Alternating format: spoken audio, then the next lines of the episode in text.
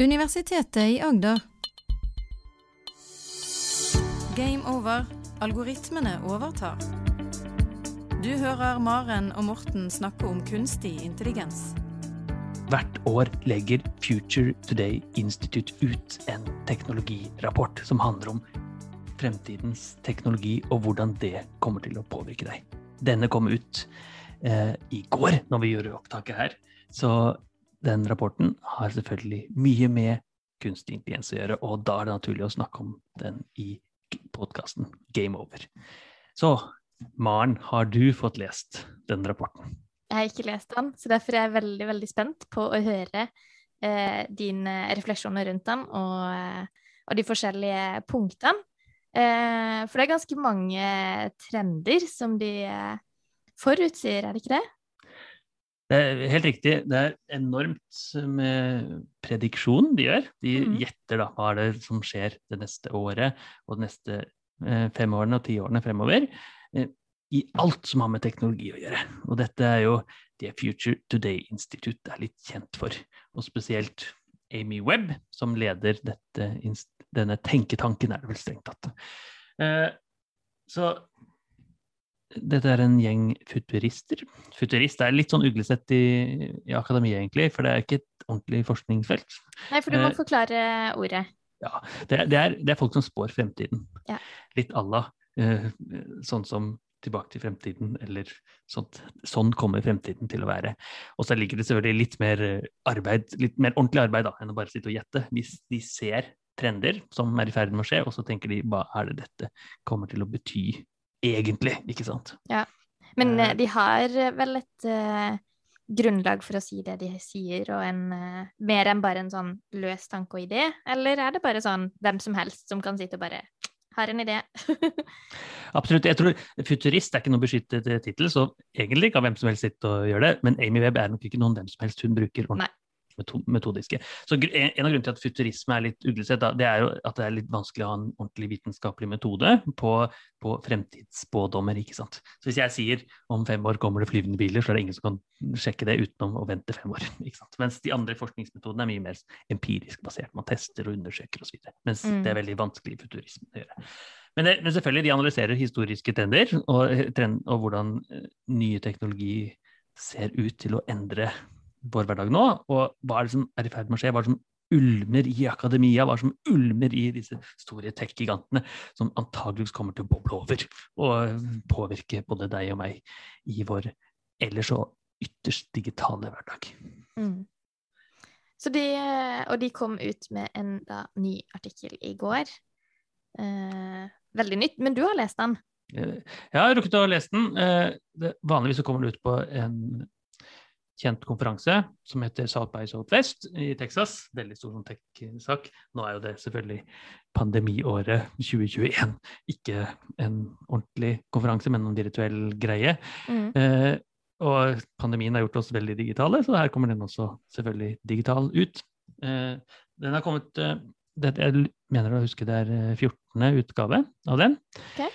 Og det betyr at de har jo gjort dette et par ganger, og de har det virker som dette har stemt veldig ofte før.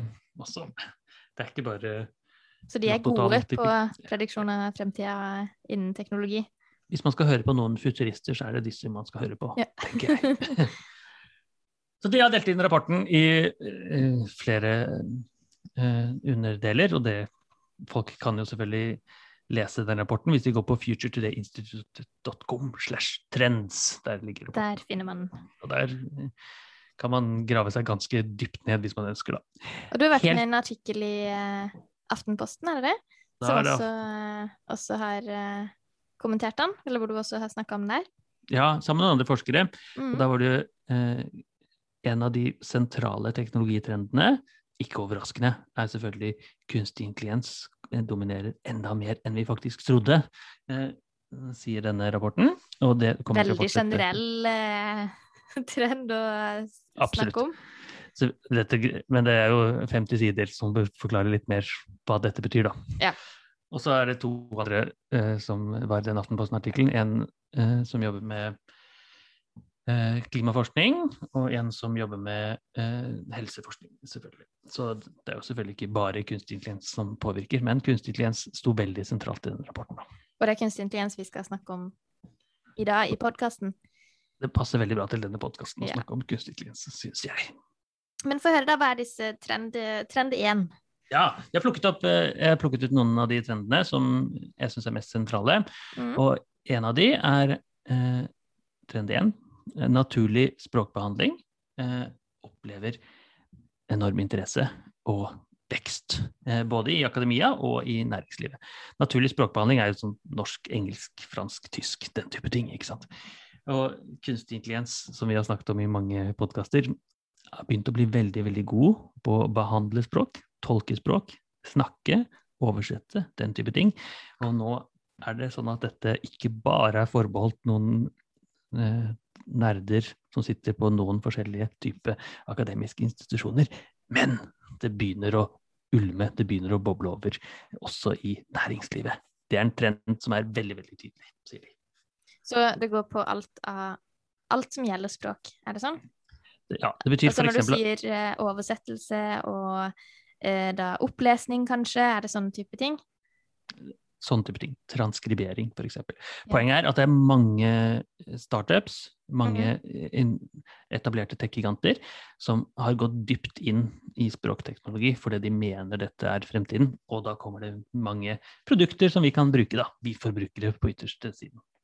Det er vi veldig glad for å høre. Vi er veldig glad for det. Uh, trend to, det, det er her blir det en opplisting av trender, tenker jeg. Mm.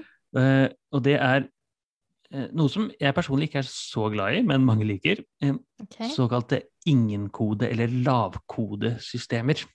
og det betyr? Bruker kunstig intelligens. Ja, det kan du si. Så når vi sitter og programmerer, så det, programmerer vi med kode. ikke sant? Vi mm. skriver Python-kode eller Java-kode eller hva mm. det er.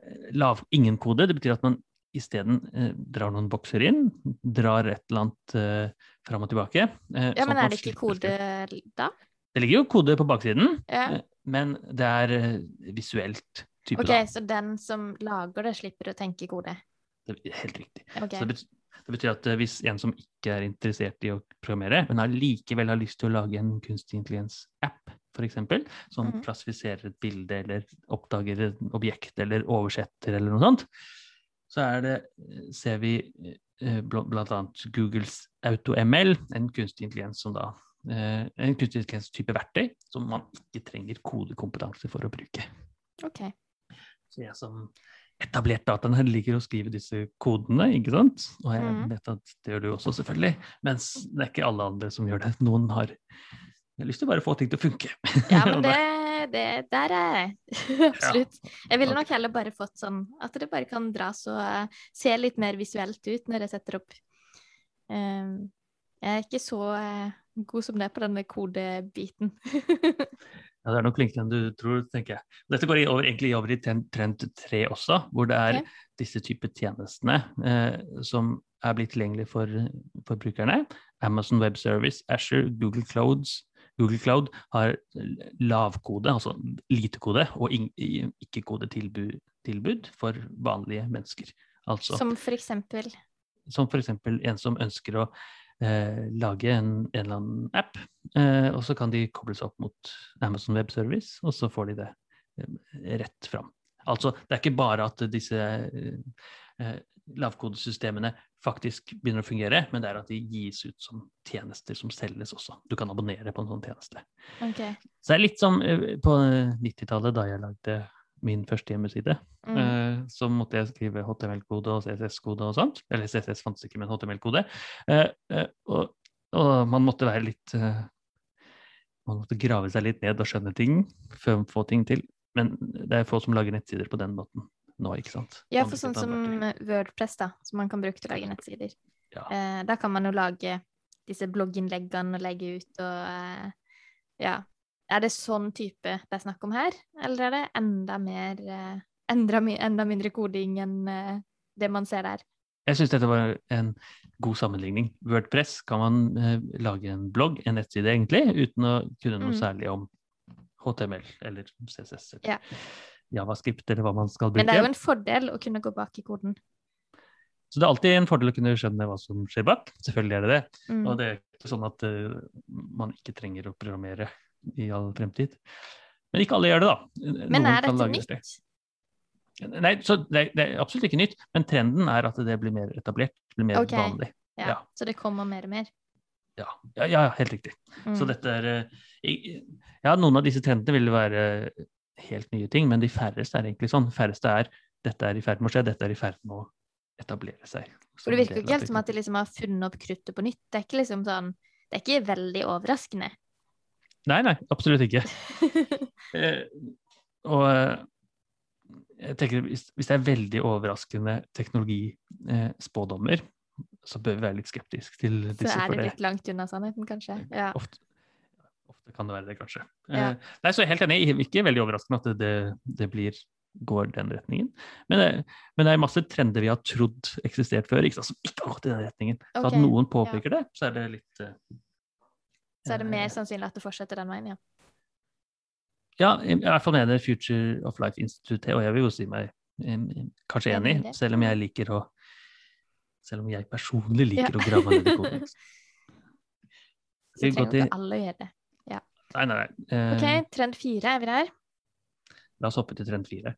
Eh, og da er det, dette trend fire er kappløpet om AI-skyløsningene er i full gang.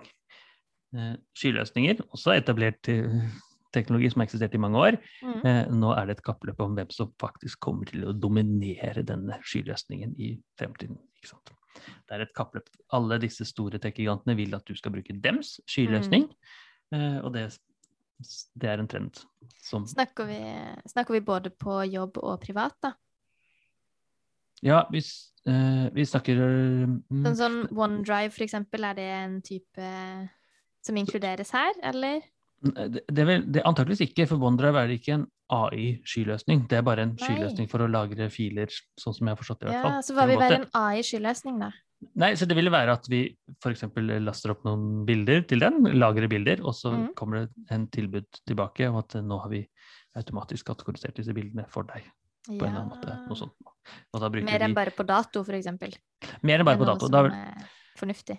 Litt, helt riktig. Eh, og da vil det være at f.eks. at alle bilder av katter havner her, hunder mm. havner der. Eller kreftceller, ikke kreftceller. Ikke sant? Mm. Hva enn man trenger. Men hvor har vi det i dag? Så dette er igjen de store tech-gigantene som leverer disse type løsninger. Eh, Microsoft Asher er et sånt eksempel. Eh, Google Cloud gjør disse løsningene også tilgjengelig mm. for også IBM har eh, en lignende type tjeneste, og egentlig, egentlig alle disse store tech-gigantene har det. Men hvis man laster opp der, er det da sånn at de eier bildene dine? Det er et godt spørsmål. Eh, og det bør man passe på at det ikke, ikke skjer. Eh, i utgangspunktet så gjør de nok ikke det, for det, det, det ville være en veldig dårlig markedsstrategi. Mm. Så hvis jeg har en tjeneste som la oss si oppdager eh, et problem med fiskestenger, f.eks., det, det er det jeg lever av, eh, så er jo akkurat de bildene av fiskestengene som er ødelagte og ikke ødelagte, eh, eller de som funker og ikke funker, min businessidé. Så hvis jeg da skal bruke en tjeneste, og så plutselig eier en amerikansk tech-gigant disse bildene, mm. så ville jeg vært veldig skeptisk til å bruke den tjenesten. Og plutselig havner utenfor norsk lovgivning, kanskje, fordi vi mm. har datalagringssentre eh, i USA eller i Kina, og ikke den europeiske GDPR-lovgivningen som dominerer. som den egentlig burde. Så da er dette kanskje mest, mest eh, Kommer det kanskje til å bli mest brukt i sånne sammenhenger, eller i jobb, da, og i disse store, sånn som du sier, da, med kreftceller og plukke ja. ut, og den type forskning. Ikke eh, at jeg personlig har lyst til å lagre bildene mine og få de sortert et sted, da.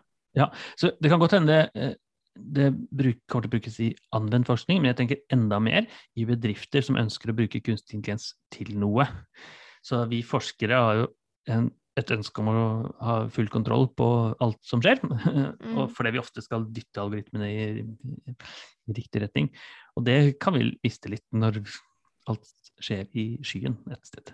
Ja. Men for en bedrift som leverer en app som skal f.eks. kategorisere fiskestenger, så er det ikke så farlig å ha, ha, helt kontroll på algoritmen. Det kan bare skje i skyen et eller annet sted i USA. Så jeg tenker, tenker det er, det er uh, mer der det kommer til å bli brukt, i hvert fall sånn som jeg forstår denne trenden. Mm. Men litt med dette um, å ha kontroll, da er vi litt inne på, uh, inn på trend fem, er vi ikke det? Trend frem av i alt 20 teller vi ned her, nesten som en julekalender. Vi burde ja. hatt 24. ja. ja. trend 5 uh, er også en trend som jeg syns uh, høres veldig dum ut. Det handler om lukket kildekode. Uh, lukket kildekode er altså hvor vi holder kildekoden hemmelig, det vi programmerer. Og det har en tendens til å fremdeles være det vanligste for kunstig intelligens-kode.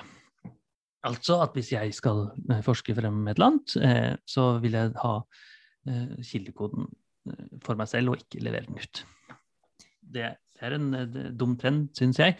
For det, når vi skal gjenskape og bruke disse eksperimentene på nytt, så er jo kildekode gjør det mye lettere å gjøre dette på nytt. Mm, og etterprøve og teste. Mm. Helt riktig.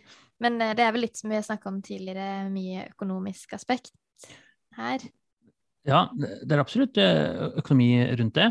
Mm. Så en nettside som jeg har blitt litt forelsket i, Jeg heter Papers with Code. Og det er okay. vitenskapelige artikler med, eh, presentert opp med hvilken, eh, med, hvor koden til artiklene også er med.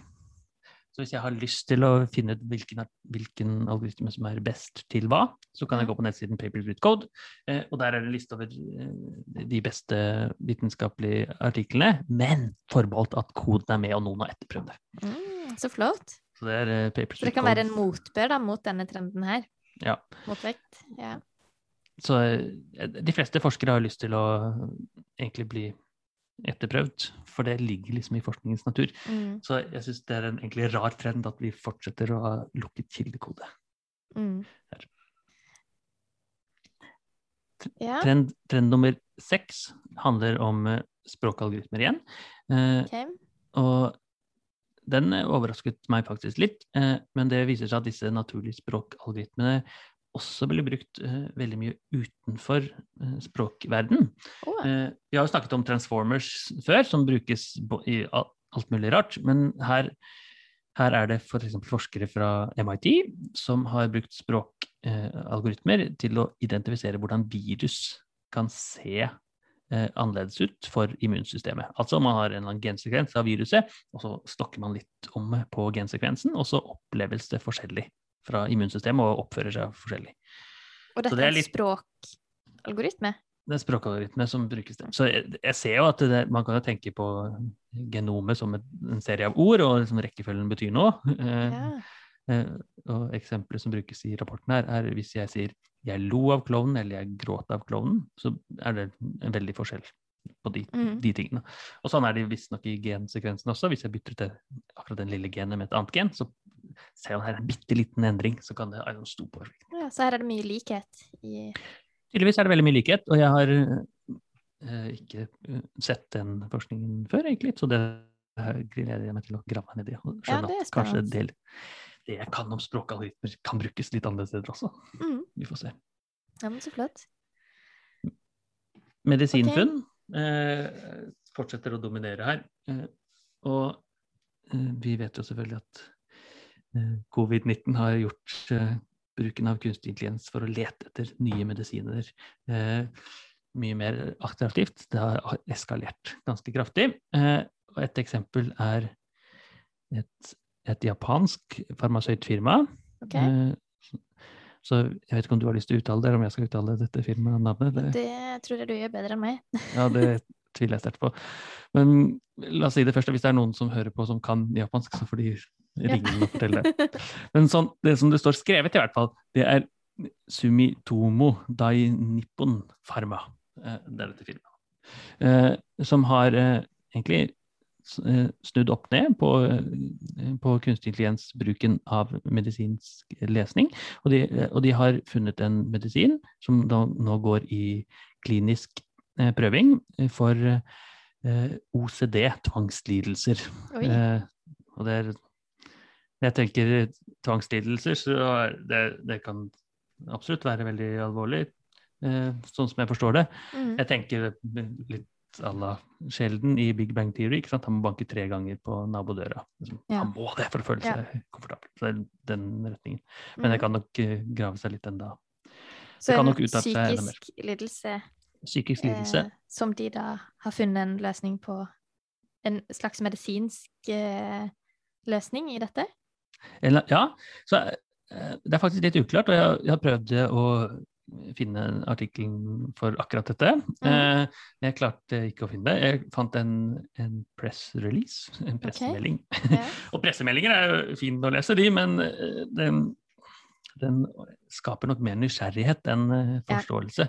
Ja. Så jeg klarte rett og slett ikke å skjønne helt hvordan dette gjør det. Men det pressemeldingen forteller, i hvert fall, det er at kunstig intelligensteknikken genererer titalls av millioner av potensielle molekyler. Og så siler de gjennom kandidater for å bestemme hvilken av de som passer godt for testing.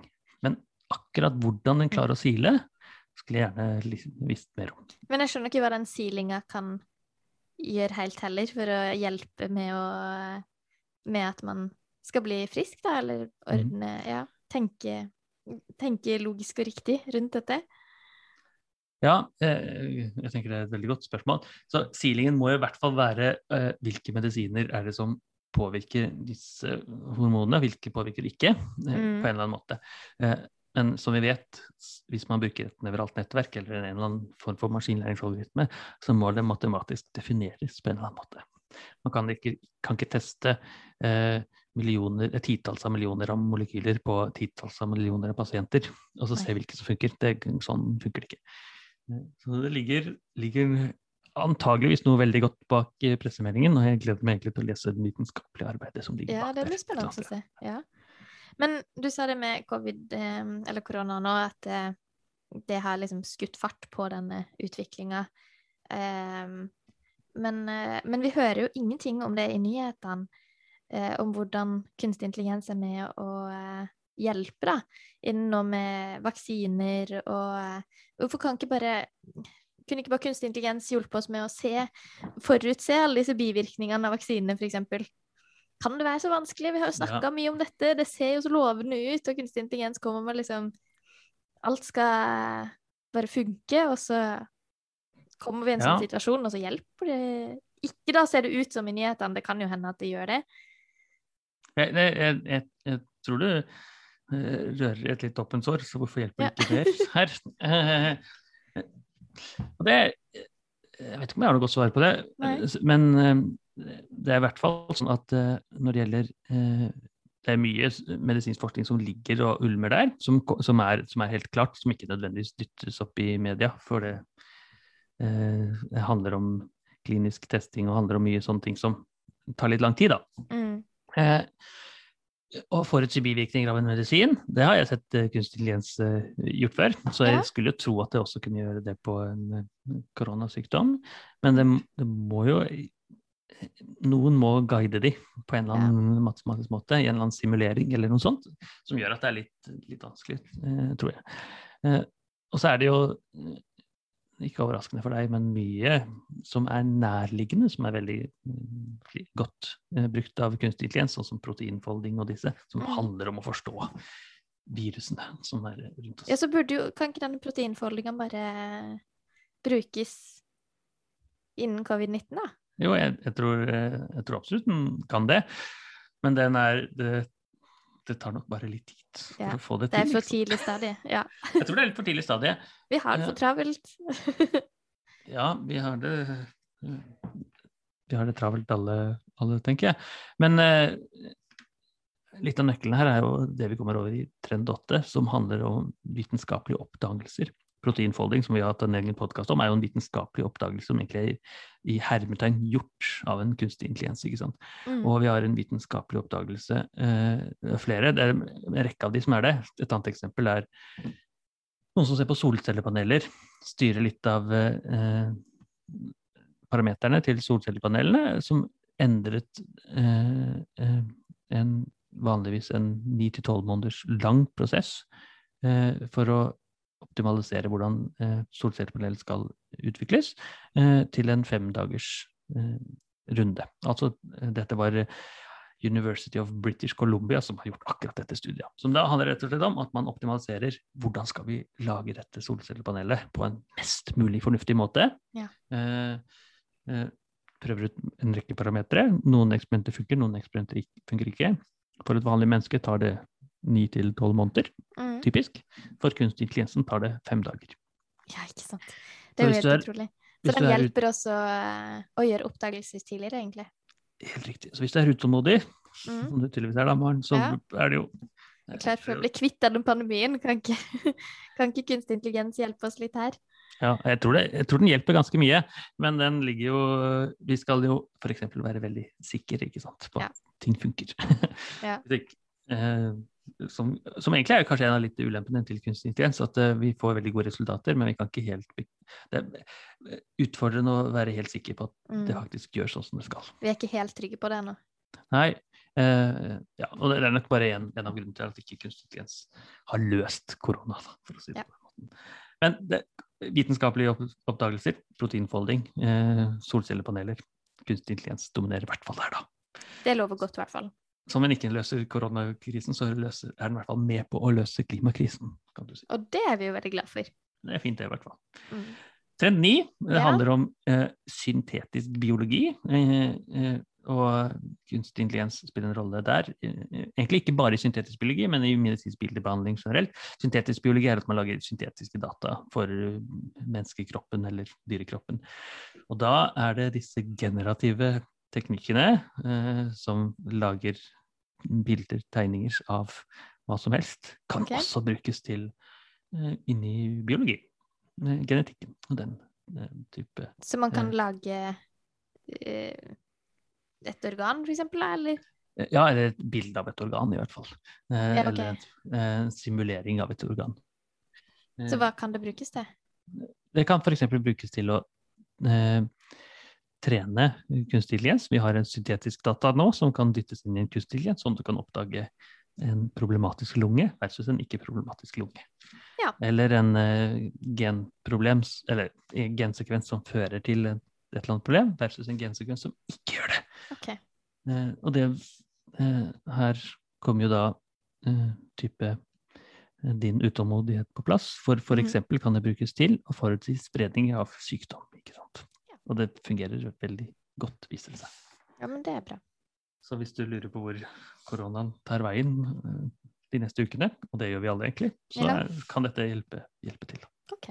Ja, Og der har vi faktisk der har vi faktisk et prosjekt med Universitetet i Agder som, okay. som skal forsøke å gjøre akkurat det. Eh, Ikke nødvendigvis sykdomsspredning, men eh, bruke kunstig intelligens til å finne en god fordeling av, av medisiner.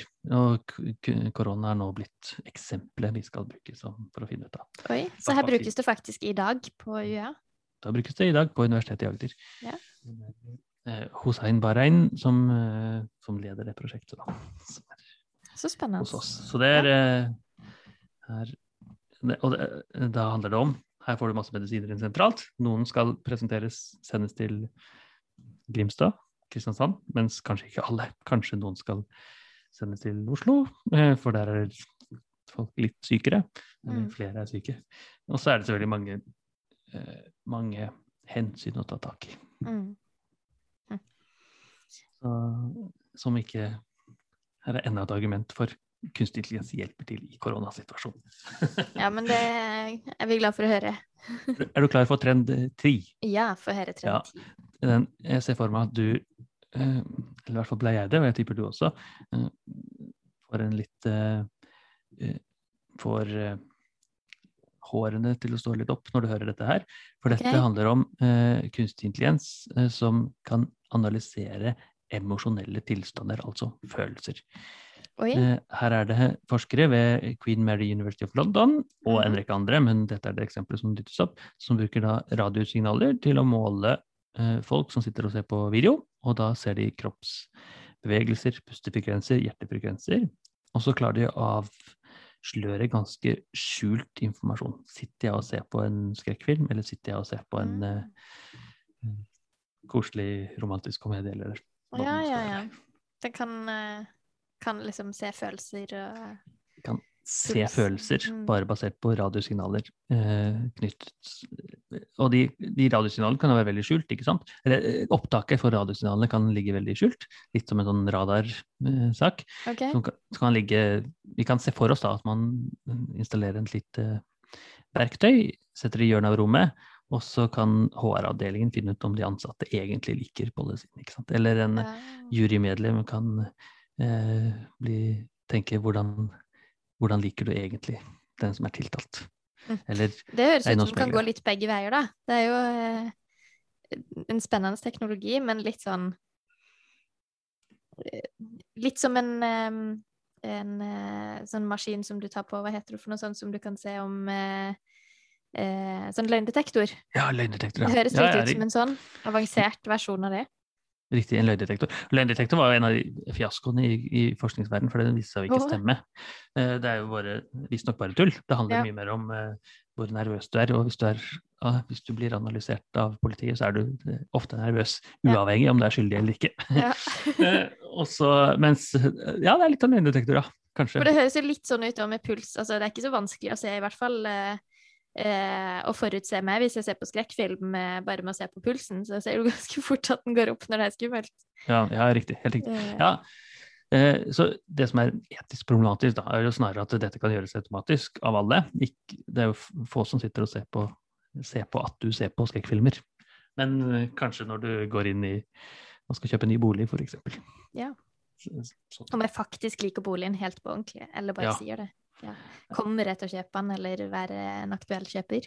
Ja, du, sier, du har sikkert en strategi. Ja, ja, det her var kanskje ikke. Jeg skal ligge lavt, ikke sant. Mm. Tenke litt på det, og så er du egentlig veldig interessert. Ja. For eksempel. Så jeg tenker Det kan brukes til mye positivt, men man bør være litt forsiktig hva man samler inn av data. Og I hvert fall når man kanskje eh, har mulighet til å samle data hvor man ikke har gitt, sam gitt samtykke. Da. Høres litt eh, skummelt ut for GDPR, ja. Ja, helt riktig. Mm. Eh, trend 11 ja. av 20 eh, er, går i en helt annen retning, eh, okay. og det handler om igjen språk. Da. Språk er sentralt her. Uh, hvis vi husker en av spådommene vi hadde for litt siden, så var det at språk, språk kom til å bli løst i hermetegn i løpet av de neste fire årene, sa vi. Mm. Og her ser det ut som de Amy Webb har lignende idé. Ja, de er enig med dere? Ganske enig. Eller ja. ja. Det, er, eh, det er en språkbenchmark, altså en målesystem, som heter GLUE, General Language Understanding eh, eh, Evaluation. Og det er sånn folk kan laste opp sine algoritmer, og så får de en rekke tester, og så noen av de funker, og noen av de funker ikke, og så er det om å gjøre det best, da. Også i, for et par år siden, hvis jeg ikke husker helt feil, så kom Superglue, som er da ment okay. å måle, måle enda mer, da, å være veldig nær å måle menneskelig språkevne. Altså klare å forstå det samme som vi mennesker gjør når vi snakker. Eh, Amy hevder at uh, innen utgangen av dette året, 2021, så vil superglue benchmarking være uh, løst. Altså vi kan ha algoritmer som er veldig nær menneskelig språk. Oi. Betyr det at uh, den også løser utfordringer med ulike språk. Ja. Og altså at en både kan forstå norsk og engelsk, tysk og fransk, ja, alt mulig. I, så i prinsippet, ja. Eh, mens eh, den testen går nok bare på engelsk. Eh, det er liksom prinsipielt riktig og, og, praktisk riktig. Så prinsipielt så er det ikke noe så er ikke norsk noe vanskeligere enn engelsk. Men eh, forskningen er jo kommet veldig mye lenger på engelsk, så Superglue går nok eh, bare på engelsk. Ja. Det er noen oversettelser jeg lurer på når det er noe eh, spansk og fransk der også. Nå er jeg litt på tynn is, merker jeg. Men eh, det er engelsk i hvert fall sentralt. Når det er sagt, da, så er det mye forskning på norsk språk eh, også. Eh, Universitetet i Oslo, en som heter Lilja Øverli, har kommet med Norbert. Som er da Oi. Bert Vi husker Bernt og Erling-varianten vi har snakket om før. ikke sant? Den kom for et par uker siden.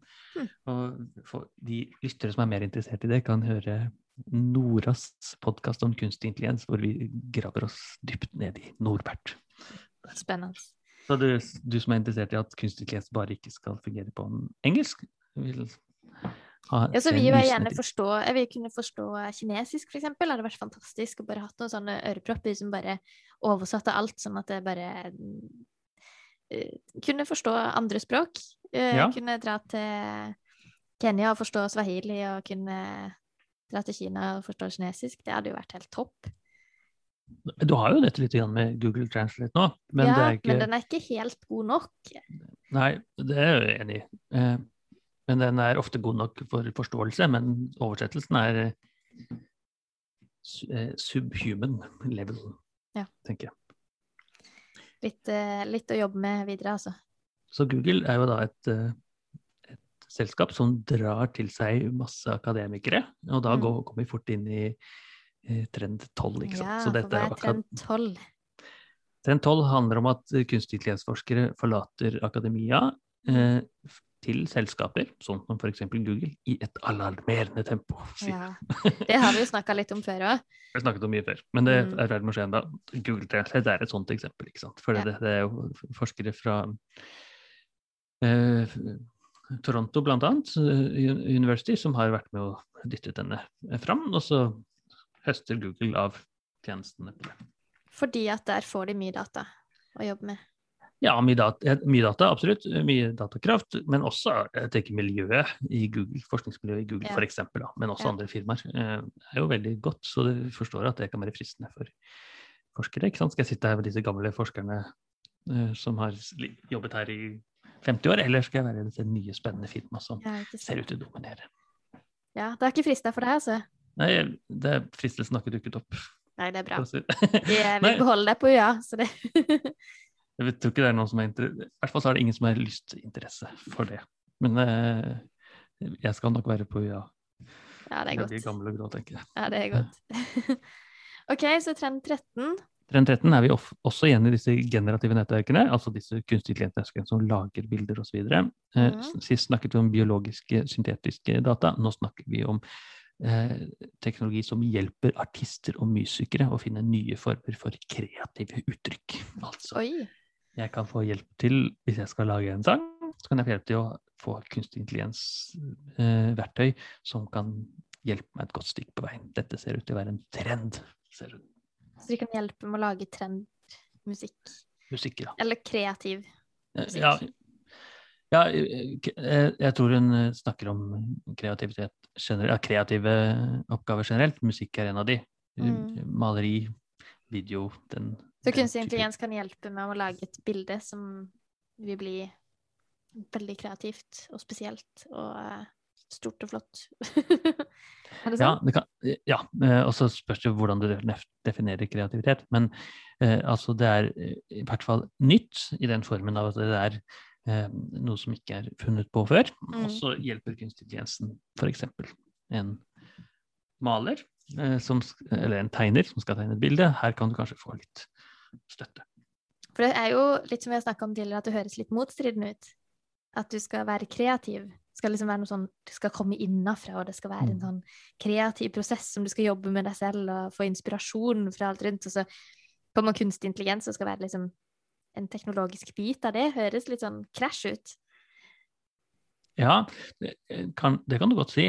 Jeg tenker at uh, jeg, jeg, tenker at det trenger ikke å være noen stor motsetning. For det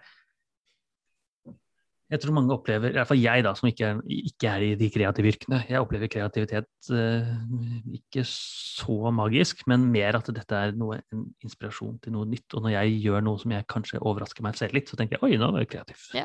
sånn, tenk, sånn, sånn, er det mitt tenkende.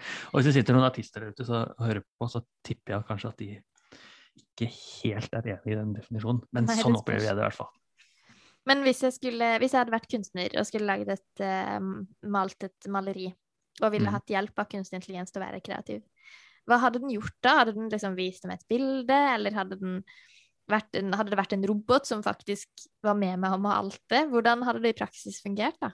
Ja, hvis du skal male med malepenselen, så er det jo litt tricky. Men ja. jeg ser for meg at det du kunne gjort da, det var jo kanskje først tegne bildet på datamaskinen, og så mm. etterpå malte etterpå, eh, eventuelt. Og da, da eh, kan du f.eks. få kunstig intelligens til å lage det bildet helt, eh, helt eh, fra scratch. Du bare tegner et nytt bilde for meg, det går fint. Det er egentlig den som lager det. Da er det egentlig den som lager det. Men, men det er jo antakeligvis ikke sånn det funker vanligvis. Det er jo mer at, at, at kunstneren kommer med en sketsj, f.eks., og så mm. vil den kanskje fylle ut himmelen, eh, bakgrunnshimmelen. Eller den kan si at det her Her eh, har du to trær som står altfor tett, men hvis du flytter litt lenger fra hverandre, så blir dybden i bildet mye mer tydelig. Så, Ja. Sånn type ting. Spennende. Så kanskje er det nye, nye Munch, nye Skrik, eh, en kunstig intelligens om eh, Ja, eh, noen år. nå toucher du på noe viktig, tenker jeg. For når jeg tenker på, på Munch, så tenker jeg ikke på han som en som malte fint. Han, eh, han ma klarte å male følelser inn i bildet. Så ja, men er ikke det en, en kreativitet? En, Jo, det er eh, absolutt en kreativitet. Ja. Eh, men, så der er nok kunstig kommer kunstig til kort, eh, Ja. sånn som det er nå. Så den er det- mer på fint enn ja, kreativt? ja, helt riktig. Mer på, ja, fint, og hva som, hva som Riktig, korrekt. Ja, Ok, helt riktig. Så det er ikke helt kreativitet i den uh, forstand? Eh, nei, det eh, hva, hva legger du i kreativitet? Jeg Jeg tenker at uh, kreativitet, da kan man kanskje gå litt utafor reglene. Utafor man kan bryte litt regler, og man vet om prinsippene, man kan reglene, men man kan bryte de nettopp av den grunn. Ja. Uh, og gjøre det sitt på litt, litt på sin egen måte, da. Ja, riktig. Eh, Jeg tror, bare for at ikke vi skal kaste Amy Webb under bussen her, hun, det hun mener er Hun, hun sier de kreative yrkene, Mm. altså sånn som kunstner osv. Okay. Får hjelp av kunstig intelligens. Det er ikke Ja. det at kunstig intelligens løser kreativitet. Ah, ja. Eh. Så To ja, du er, du, du har nok Ja, det er, mm, det er eh, ikke overraskende for den gjengse lytter. Et verktøy som hjelper også kunstnere, ikke sant. Spennende. Spennende. Eh, også kunstnere får hjelp av kunstig intelligens. Sånn, mm. sånn er det den nye hverdagen. Yeah. Eh, og dette skaper jo selvfølgelig eh, et ønske om å være god i kunstig intelligens, eh, og vi er nå over i den 18, som handler om AI-nasjonalisme. Skumle ord, egentlig.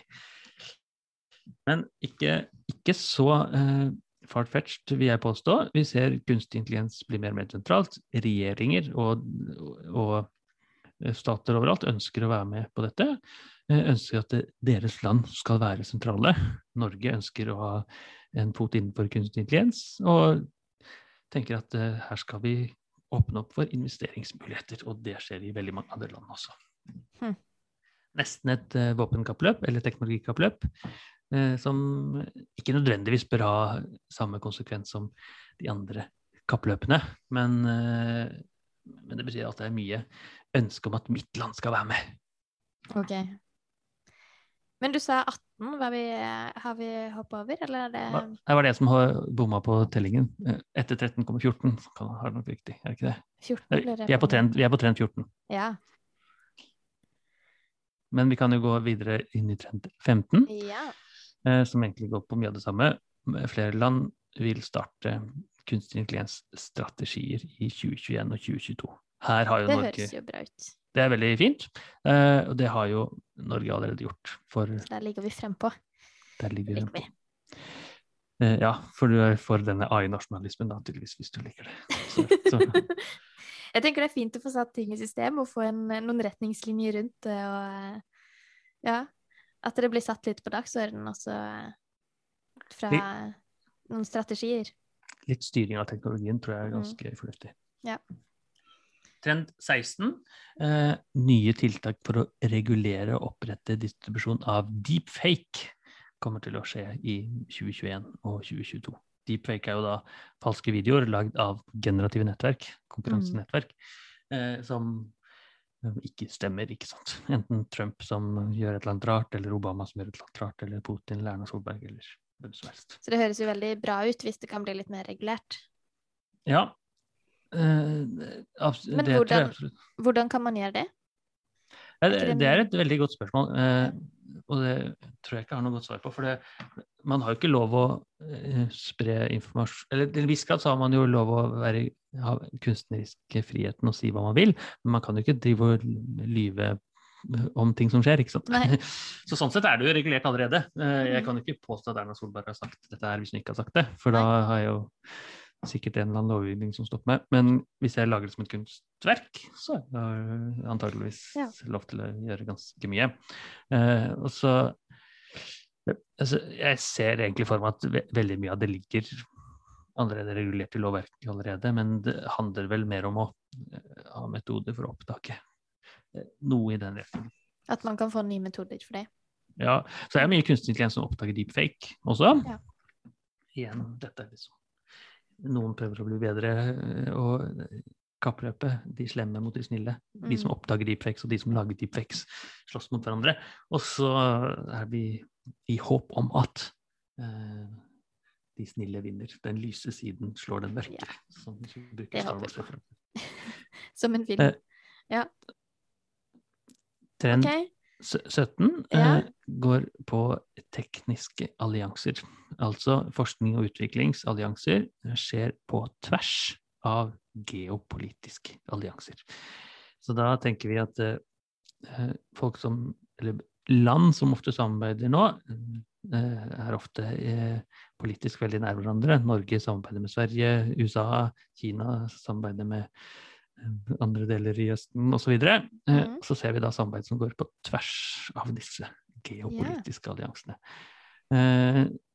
på godt og vondt, vil jeg si. Mm. det kan være veldig skummelt å samarbeide med en fremmed nasjon som har helt andre ønsker om teknologihverdagen enn f.eks. Norge. Yeah. Eh, men altså kulturell mangfold også på land, verdensbasis er jo også en fin ting, tenker jeg. Absolutt. det blir spennende å se den utviklinga der. Mm. Eh, det syns jeg også. Den neste trenden er nok ikke like spennende. Eh, eller kanskje spennende i, i en forstand, men ikke like optimistisk, da. Nei. Det handler om fremtidens kriger, som antageligvis vil bli utkjempet med kode, med mm. data og med algoritmer. Dette har vi også vært litt inne på i podkasten tidligere. Det har vi absolutt. Mm. Og Amy Webb eh, er, følger samme spor, sier nå er det krig, er ikke nødvendigvis eh, soldater med pistoler og geværer lenger, men det er kode som f.eks. prøver å stenge ned Stortinget i i Norge eller andre steder. Ja, det er en skummel utvikling. Ja. Eh, Ikke at det er bra at man uh, har personer som er i krig heller, men uh, det kan jo føre til ganske voldsomme uh, ja, ting som kanskje kan gjøres litt kjappere eller litt med mindre risiko for at de som da går i krig, eller ønsker krig, blir påvirka så veldig. Mm. Eh, ja, helt enig. Jeg tenker eh, dette er selvfølgelig konsekvens av at teknologi er så sentralt overalt. At å ødelegge eh, motstanderens teknologi, mm. eh, f.eks. før et valg, eh, eh, gir jo veldig mening, sånn med krigstanker i hodet. Eh, men så det, det, som jeg ser positivt i det, da, det er jo at vi, vi slipper å Eh, drepe så mye som krig handler om, ikke sant. Mm. Eh, det er litt mindre skummelt å ødelegge en, en databank mm. enn det er å uh, skyte ned en gruppe mennesker. Mm. Begge deler er alvorlig, selvfølgelig, men fremtidens kriger da er mer i retning av nå skal vi ødelegge infrastrukturen, nå skal vi ødelegge stemmesystemene, nå skal vi ødelegge Stortingets datalagringssystemer, eh, som får fatale konsekvenser, absolutt. Men det er noe annet enn å slippe atombomber over Oslo, f.eks. For, eksempel. for det betyr ikke eh, at eh, noen kan sitte i et land og trykke på en knapp, og så vil det sprenges en bom et helt annet sted som er noe kunstig intelligens som har samla mest mulig folk på ett sted, f.eks. Ja, det er i hvert fall ikke sånn jeg leser den trenden. Men Nei, det var jo en, var en god, god, forståelse av den. Eh, så jeg tenker, jeg tenker, mye mer at det er eh, Infrastruktur. Og... Ja, elektronisk infrastruktur. Ja. Altså, ja, men det er jo bra. E-postserveren til Stortinget ja. går i stykker, ikke sant. Eller blir hacka. Eller, blir hacka. Ja. Mm. Og det, jeg, jeg, sier ikke at ikke det er alvorlig, men jeg sier Neida. at det er på en helt annen alvorlighetsgrad ja. enn f.eks. en bombe som sprenges. Det er ikke menneskeliv. Mm. Ja, i hvert fall ikke direkte. Absolutt. Nei. Og en av de som eh, flere ganger har fått skylden, er Russland og Kina. Eh, men vi ser da i henhold til trend 19 ikke, ikke Kinas voksne AI-ferdigheter i militær, økonomisk eller diplomatisk trussel. Hm, den var litt overraskende. Eh, Lite grann, enig. Så vi for noen år siden så, så vi Kina eh, absolutt gjøre gode satsinger på kunstig intelligens, mm. som stagnerer litt, grann, faktisk. De bruker ja. kunstig intelligens overalt, eh, men de har da ikke klart å være like dominerende som, som amerikanerne. Så eh, USA leder eh, kunstig intelligens-kappløpet ja. enn så lenge. På tross av at Kina overvåker så mye og har samler inn så utrolig masse data. Ja. Og så kanskje ikke det går an, eller kanskje det er vanskelig å bruke de dataene de har samlet inn, til andre ting enn yeah. faktisk å kategorisere innbyggere osv. Mm, mm. Så for oss i Norge så betyr det ikke så mye eh, om noen blir overvåket i Kina, mens det betyr veldig mye hva f.eks. Facebook eller eh, TikTok ja, eller noe sånt gjør. Ja, ja. Det er mye nærmere oss. OK, da var vi på siste trend, da. Den kan vare lenge, eh, for den handler om levedyktigheten til algoritmene vi lager. Så Amy Webb kom med en veldig uh, spenstig trend, vil jeg påstå. Hun sier at det nye programværet vi lager nå, med kunstig intelligens, kan leve lenge, kanskje opptil 100 år. Så hvis jeg lager en kunstig intelligens nå, setter den ut i produksjon, mm. så vil den kanskje også eksistere om 100 år. Hva kommer dette av? Ja, dette kommer jo at kan leve så mye lenger nå? Så når vi eh, programmerer verktøy i dag, eh, så har den en ganske kort levetid, egentlig. Litt mm. avhengig av hva det er, men kanskje fem-ti år eh, før den må oppgraderes og lages noe nytt. En nettside som er ti år gammel, er eldgammel, mm. f.eks. Så ser vi da at kunstig intelligens som adapterer, treffer og etterligner mye av den, det vi har, er så god at den vil følge de fremtidige trendene også. Ja. Ser rundt for seg. Eh, og så tenker man da at kunstig intelligens eh, kan være veldig, veldig eh, seigtlivende. At man ikke trenger å oppdatere noe, for den hele tiden etterligner det som fins fra før. Så den tilpasser seg hele veien? Tilpasser seg også de trendene som skjer om 50 år, om 70 år, om 90 år. Hm, en spennende utvikling. Det er eh, Ja, eh, det er det absolutt. Det betyr jo at vi kanskje får teknologiske fotavtrykk som er litt lenger enn det mm. vi tenker er vanlig, i hvert fall som vi tenkte var vanlig for noen få år siden. Mm. Nå har vi snakket om uh, eh, 20 trender. Det ble en, uh, en lang podkast, men det, yeah.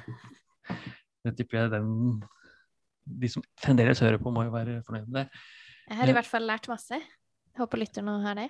Det har jeg også. Og vi kan jo egentlig oppfordre folk til å gå inn og grave seg ned i disse trendene selv. Mm. Hvis de går inn på futuretodayinstitute.com slash trends, eller bare google Future Today Institute.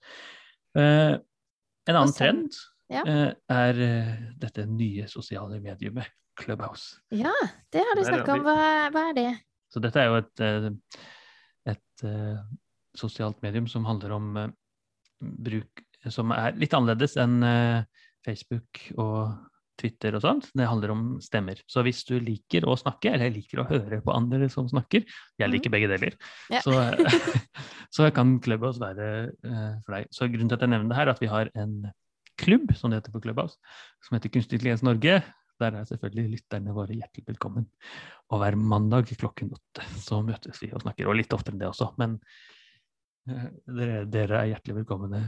Og og det er en app man kan laste ned? Ja, man må faktisk bli invitert inn eh, for den. Ja. Uh, men man kan laste appen eh, hvis man har fått en invitasjon. Og hver mandag klokka åtte så kan man høre deg?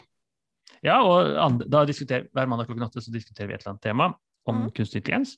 Sist tema var hvorfor er ikke Norge vinner i kunstig intelligens-kappløpet? Hva som blir neste mandag, er jeg ikke helt sikker på ennå.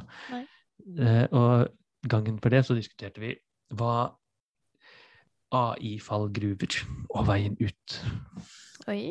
Noen ganger så graver vi oss ordentlig nerdete ned i noe, andre ganger så gjør vi det litt mer populærvitenskapelig. Ja, jeg, tenker, jeg, ser for, jeg ser for meg at eh, vi kanskje til og med kan ta en podkast og dytte den inn i eh, Clubhouse-verden som en Oi.